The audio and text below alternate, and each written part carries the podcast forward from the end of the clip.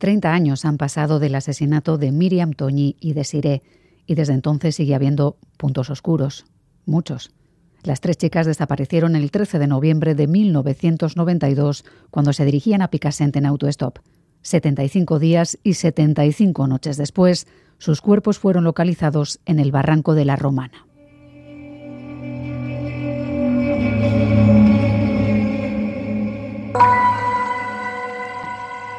Tres décadas después de aquel crimen, el juez que lleva el caso ha autorizado un nuevo análisis de las pruebas halladas en la fosa en la que fueron enterradas las tres adolescentes. Se buscan evidencias de sangre, semen y ADN en distintas muestras. ¿Pero por qué ahora? ¿Qué ha cambiado? Hoy las lagunas del caso Alcácer. Soy Miriam Duque, la encargada de abriros esta Gambara Negra, un podcast de crónica negra en el que hacemos que ciencia, especialistas y pruebas abren más que nosotros para recomponer la actualidad y tratar de entender la mente de quienes se escoran al lado oscuro.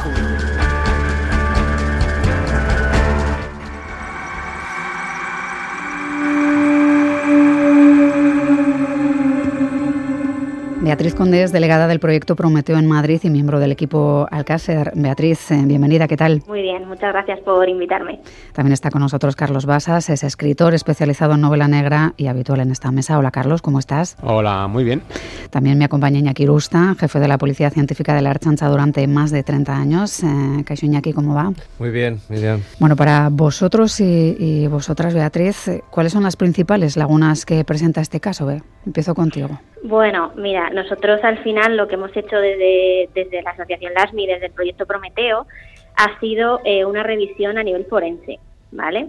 Al final, eh, bueno, considerábamos, después de analizar todo el sumario, tanto el A como el B, que había pruebas que se habían hecho en los años 90 y que a día de hoy los laboratorios cuentan con, bueno, pues con mayor instrumental y mucho más avanzado para poder repetirlas y eso ha sido un poquito lo que lo que hemos hecho y bueno hemos entregado ya al, juez eh, siete informes si no me equivoco pidiendo diferentes eh, pruebas eh, tanto de los coches como de piezas de convicción.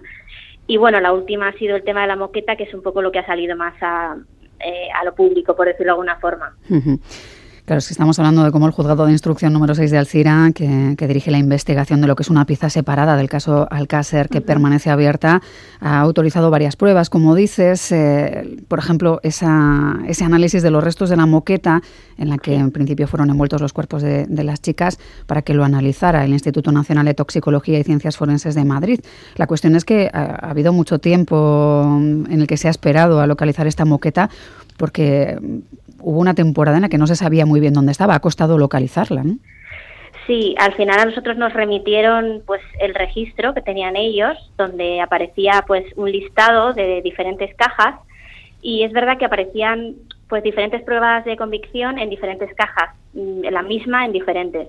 Entonces ha costado un poquito hasta que han dado con la que era y de hecho nosotros presentamos el, informe eh, hace unos meses y hasta ahora eh, que nos remitieron y nos dijeron que no encontraban esa, esa moqueta y ya conseguimos dar con la caja exacta donde estaba y la referencia exacta y ahora ya sí que sí que parece que está localizada. Entiendo, Iñaki, que cuando una investigación se, se mantiene abierta durante décadas en el tiempo no resulta del todo fácil eh, encontrar todo, tenerlo todo localizado, ¿no? Sobre todo si hablamos de casos muy antiguos. Hoy en día todo estará muy digitalizado y con teclear esa referencia probablemente sea cosa de segundos. Sí, efectivamente hemos avanzado mucho, sobre todo el tema de la cadena de custodia con la trazabilidad de cada evidencia, pero como bien decía Beatriz, han avanzado mucho los equipos, pero no solamente los equipos, sino los kits posteriores para realizar dichos análisis, ¿no? Son mucho más sensibles, eh, muestras biológicas que antes de alguna manera no podíamos perfilar o podíamos perfilar de una manera eh, que no llegaba o no llegaba a identificar a un individuo y en la actualidad sí. Eh, luego tenemos el hándicap que de alguna manera esas muestras o esas evidencias, cómo estaban custodiadas, cómo estaban embaladas, cómo estaban guardadas para que tuviesen un posterior eh, valor probatorio y valor de analítica para obtener las muestras o las pruebas incriminatorias que quisiéramos, ¿no? Claro, sabemos que, esa moqueta estuvo mucho tiempo, Beatriz, en un almacén judicial de Ribarroja, en Valencia. No sé qué, habéis podido avanzar tras lograr ese análisis. ¿Qué, se sabe a día de hoy? De, momento estamos a la espera.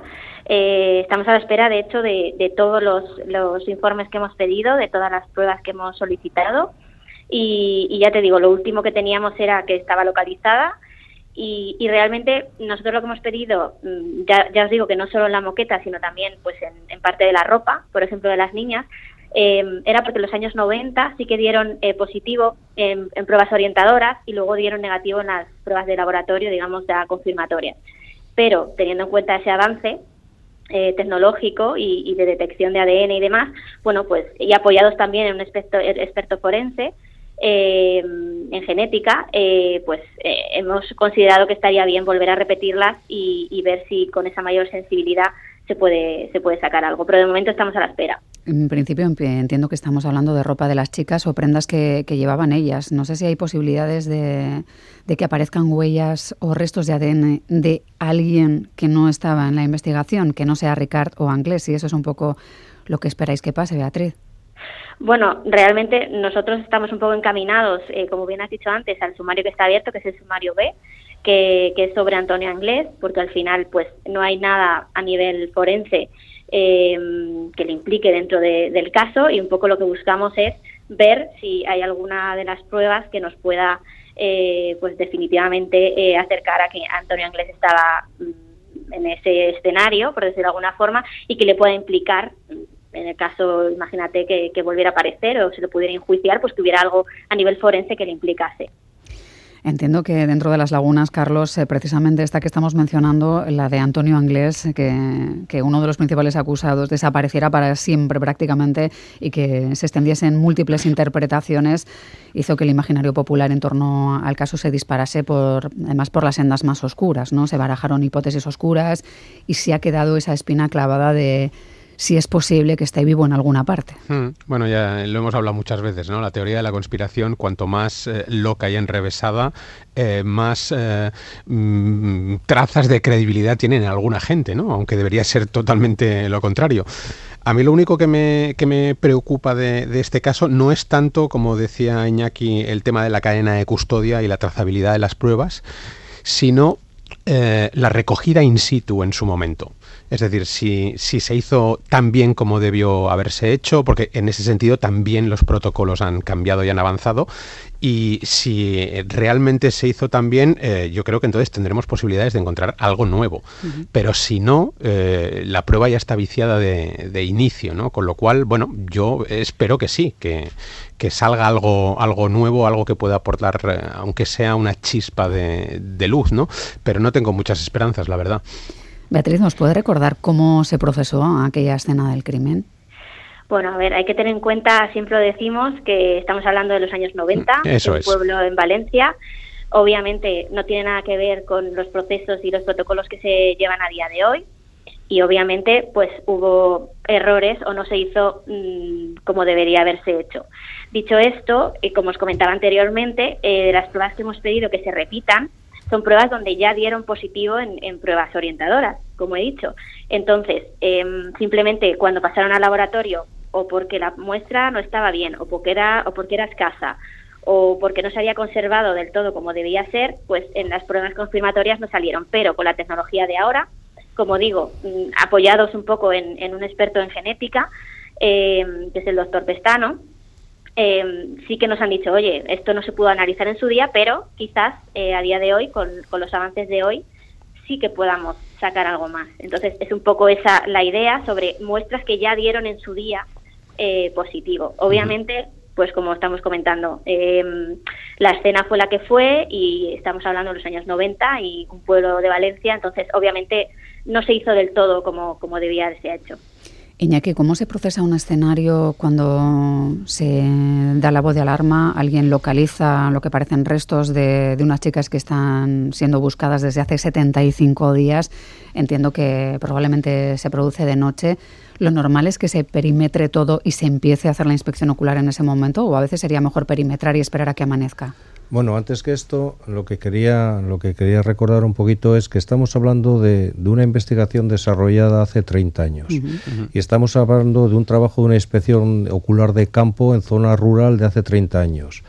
y estamos hablando de unos medios, unas técnicas de hace 30 años. Lógicamente esto nosotros ahora lo vemos de una perspectiva desde los medios, cómo han avanzado las técnicas y los conocimientos que tenemos, cómo se debe de alguna manera de trabajar en ese tipo de hechos y vemos como, eh, digamos, como errores. Yo no lo diría tanto errores, lo diríamos un poquito los conocimientos y la formación, la preparación que teníamos en ese momento para hacer frente a, esa, a ese tipo de eventos. Dicho esto, dicho esto, eh, si tenemos una inspección ocular eh, de, de, este nivel y es de noche, ¿tenemos que intervenir? Pues yo diría, depende, Depende si las condiciones climatológicas son adversas, depende si esas mismas condiciones van a alterar o van a influir de alguna manera en las evidencias que vamos a localizar en lugar de los hechos, depende si las evidencias son visibles o no visibles, por lo tanto tenemos que ser muy cuidadosos con el tipo de trabajo que vayamos a, desarrollar.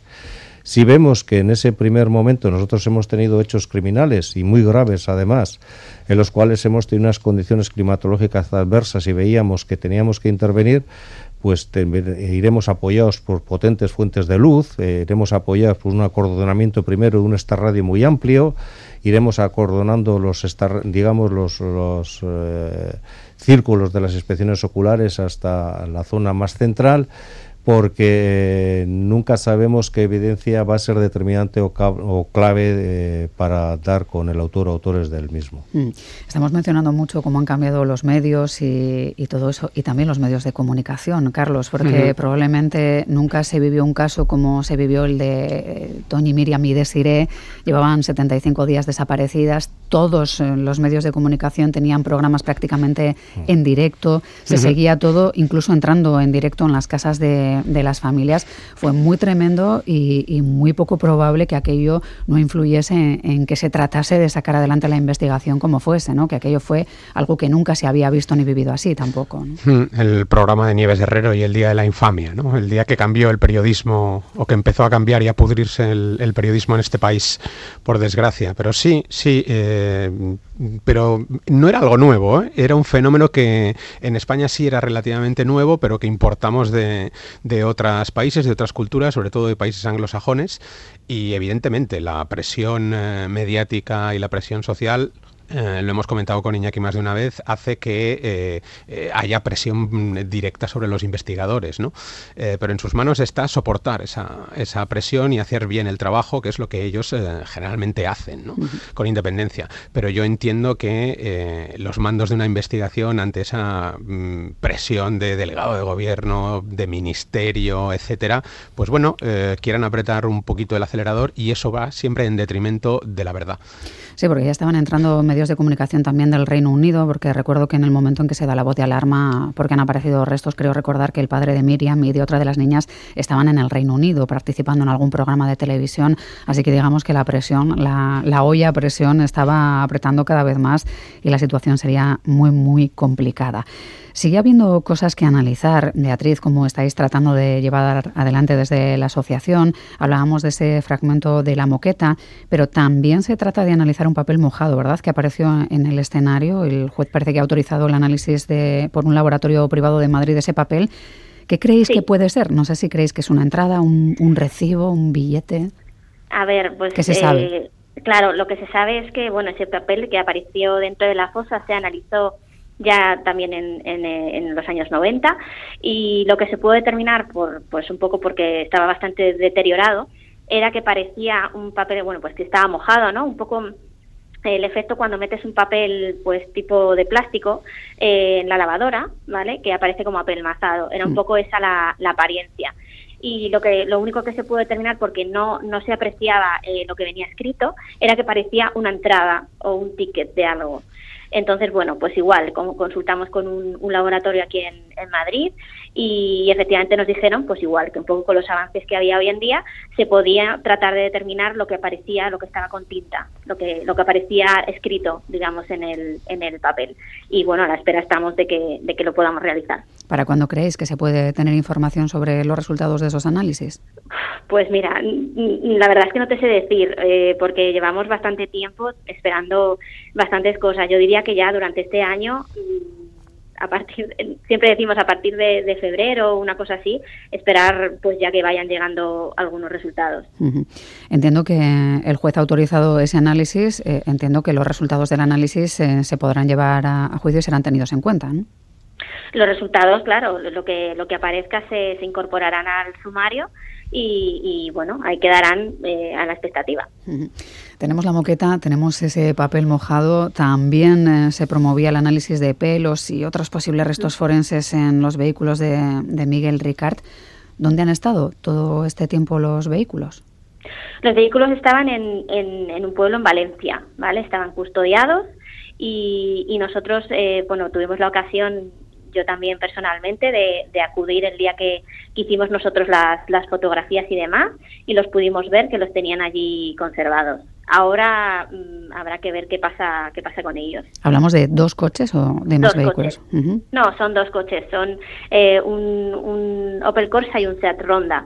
Realmente donde se presupone, o el coche más importante es el, Opel Corsa, el blanco, que es el que pertenecía a Miguel Ricard. Pero bueno, como tenían esos dos coches dentro, digamos, de, la banda con la que se movían, pues eh, se incautan los dos.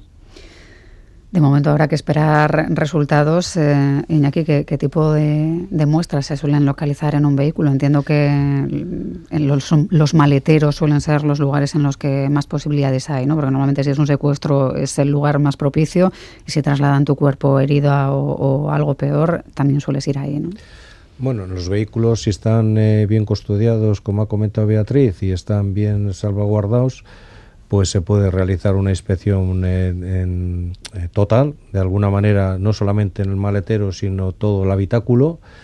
Y así, como he comentado, que ha avanzado mucho la parte de la, de la ciencia en lo que es el ADN, también ha, avanzado muchísimo en las eh, diferentes técnicas de iluminación que tenemos para la búsqueda tanto de huellas como de elementos biológicos, en este caso en el interior del vehículo y que pudieran dar de alguna manera pues algún tipo de, esperanza, ¿no?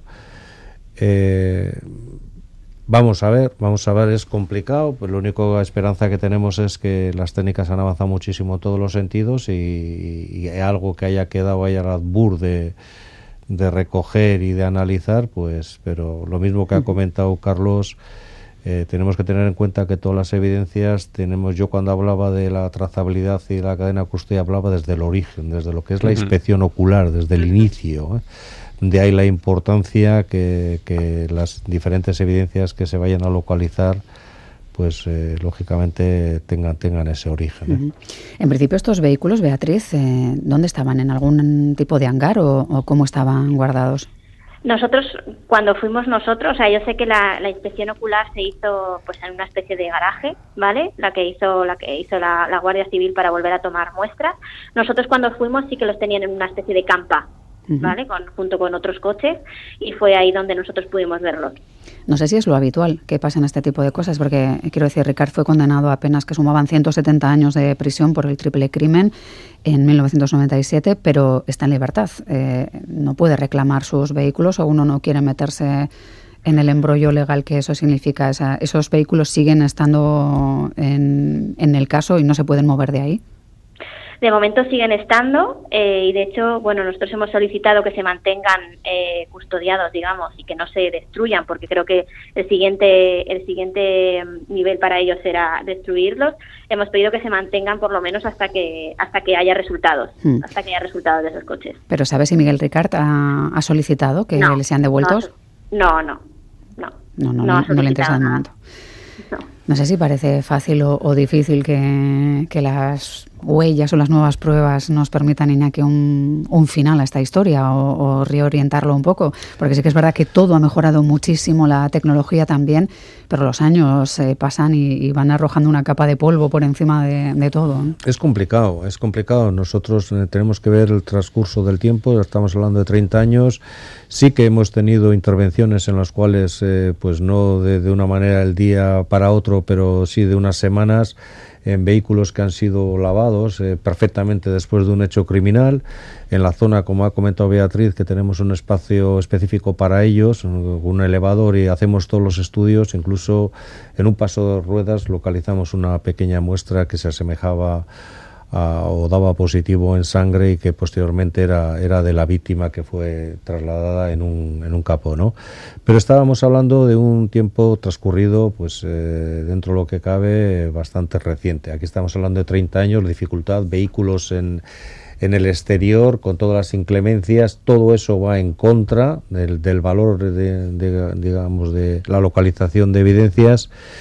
Eh, estamos hablando de climatologías adversas en 30 años seguramente que ha ocurrido y ojalá, ojalá todo lleve a buen curso, pero la verdad es que se, un trabajo bastante complicado, difícil y en algunos casos diría que a veces infructuoso, pero el equipo del proyecto Prometeo y del Laxmi, Beatriz, entiendo que entiende mucho de paciencia y de seguir la pista poco a poco. La cuestión es eh, qué podemos esperar si todo va bien, si se logran datos positivos y resultados positivos de los análisis tanto de la moqueta como de ese papel, como mencionabas, como del interior, de las últimas revisiones del vehículo, tal vez aparezcan huellas de Antonio Anglés. Pero claro, Antonio Anglés se le perdió la pista hace prácticamente 30 años también, ¿no? Es, es prácticamente como encontrar huellas de un fantasma. Sí, está, está complicado, pero bueno, al final, bueno, nuestra finalidad es eh, intentar aportar eh, nuestro granito de arena dentro del proyecto. Eh, al final, pues por nuestra parte, toda la buena fe del mundo por, por intentar esclarecer un poquito el tema. Y con respecto a Antonio Anglés, pues bueno, al final nuestra función, si apareciera algo o si alguna de las eh, pruebas que hemos pedido dieran algún resultado, creo que, aportarían bastante luz en el sentido de, que se aparece eh, alguna, algún vestigio de Antonio Anglés eh, en, pues imagínate en la ropa de las niñas por ejemplo por decir algo le situaría totalmente en el, escenario cosa que sería para nosotros un gran avance y creo que para el caso en sí. Pues esperemos que haya un final para esta historia y que la ciencia ayude a ello. Beatriz Conde, delegada del proyecto Prometido en Madrid y miembro del equipo Alcacer, muchísimas gracias y un abrazo, Beatriz. ¿eh? Gracias a vosotros. Hasta la próxima.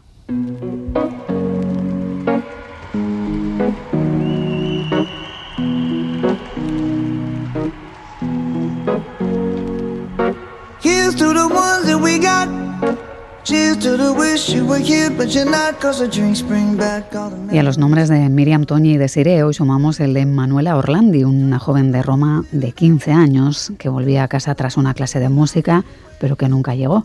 Era el año 83 y en el punto de mira de las investigaciones el mismísimo Vaticano. Mi hermana Emanuela lleva desaparecida 37 años. Emanuela no era una niña normal y corriente. Era una niña del Vaticano historia de Emanuela sigue siendo más misteriosa que nunca. Los secuestradores quieren intercambiarla por allá. El hombre que le disparó al Papa. El terrorismo es solo un señuelo para desviar la atención. Escuche con atención. Es respecto a su hijo. De algún secreto que tuvo lugar dentro del Vaticano. La chica del Vaticano es un trabajo de Netflix, Carlos, y es un misterio que dura cuatro décadas. Hemos conseguido superar al caso Alcácer. Sí, sigue sin resolverse. Este true crime que tiene este título como de película de espionaje, ¿no? La chica del Vaticano. Eh, fue uno de los estrenos más potentes del año 2022. Está dirigido por Mark Lewis, que ya lo petó en, eh, Netflix y en redes con un documental anterior que era Los gatos, eh, ni tocarlos. Ya sabes, cuando mm. hay gatos de por medio en redes y en internet, la gente se moviliza de una manera tremenda y que, bueno, eh, es un poco la, muestra de, cómo un tipo de, true crime eh, es capaz de retorcer hasta el límite eh, lo que serían el uso de técnicas narrativas dramáticas y estructuras de ficción para contar una historia de un crimen real. ¿no? Está dividido en cuatro episodios y sigue un poco lo que sería un proceso de investigación. Las eh, cuatro o cinco teorías distintas eh, que tratan de eh, dar una explicación a este secuestro misterioso, ¿no? Y así la propia Manuela está viva o no. Y, la verdad es que te, te, engancha, porque si uno ya se sienta a ver un documental eh, en el que figuran las palabras clave Vaticano, mafia, intento de asesinato del Papa Juan Pablo II, Aliaca, financiación ilegal del movimiento Solidarnosc en Polonia y pederastia, eh, la verdad es que, mm, pues bueno, es garantía de, que te vas a mantener al menos durante un buen rato enganchado a, la pantalla, ¿no? Sí, porque además este documental habla de, de Manuela Orlandi, de una de esas niñas que, estaban en el entorno cristiano en, aquella época, en el año 83. Entiendo que era una suerte de, pues, más allá de, ir a catequesis, ¿no? Que, vivían implicadas, que tocaban la guitarra, que irían a esas misas especiales y que vivían de, una forma con sus familias, eh, bueno, pues el entorno cristiano que, quedó roto abruptamente, ¿no? Entiendo que para la familia ha quedado ahí también una laguna tremenda. Sí, bueno, la, mayor característica de, Manuela Orlandi es que era eh, hija de un hombre que trabajaba en la prefectura de la Casa Pontificia y que es una de las pocas familias que viven dentro del Vaticano, me refiero a familias eh, laicas.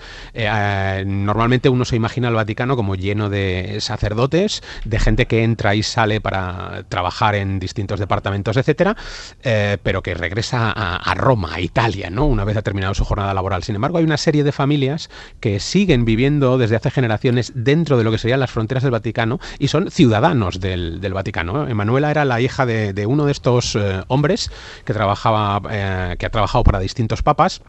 Y en un principio se piensa que eh, su secuestro se debe a que la mafia eh, trata de presionar al Vaticano para que le devuelva un dinero que les ha prestado para financiar el movimiento Solidaridad Solidarnosc en Polonia y que han blanqueado a través de la, propia mafia.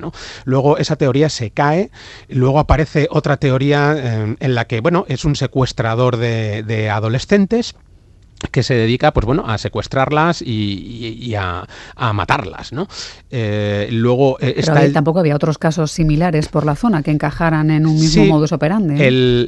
lo curioso es que sí unos meses antes hay un caso parecido no de una niña del Vaticano pero sí de otra chica que es secuestrada en Roma y que tampoco ha sido encontrada todavía no hecho que alguien con una eh, pues sangre fría tremenda aprovecha para decir no no yo las he secuestrado a las dos traedme el dinero, etcétera, ¿no?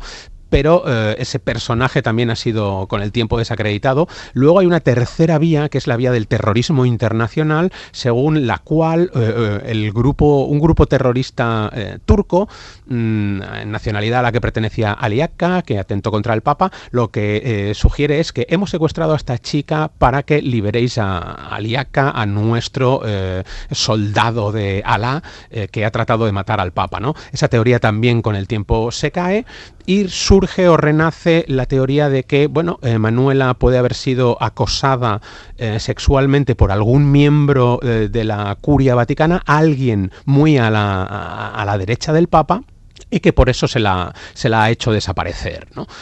sin embargo, ninguna de las teorías tiene pruebas suficientes como para tener visos de, de, de, ser verdad. ¿no? La única realidad es que Manuela ese día 22 de junio de 1983, sale del conservatorio en el que está dando clases de flauta, se encuentra con alguien que le dice, oye, ¿quieres ganarte un dinero vendiendo productos de Avon? Eh, ella dice, bueno, sí, llama a casa, avisa de, de que ha tenido esa, esa llamada y esa propuesta y no se la vuelve a ver jamás.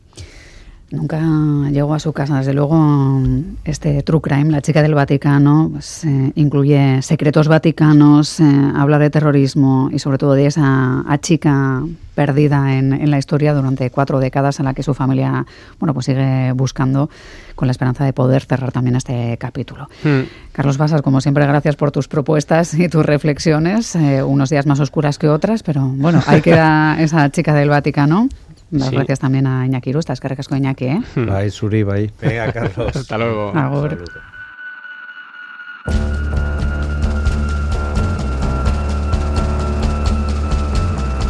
Gambara Negra, el podcast de crónica negra e investigación de EITB Podcast.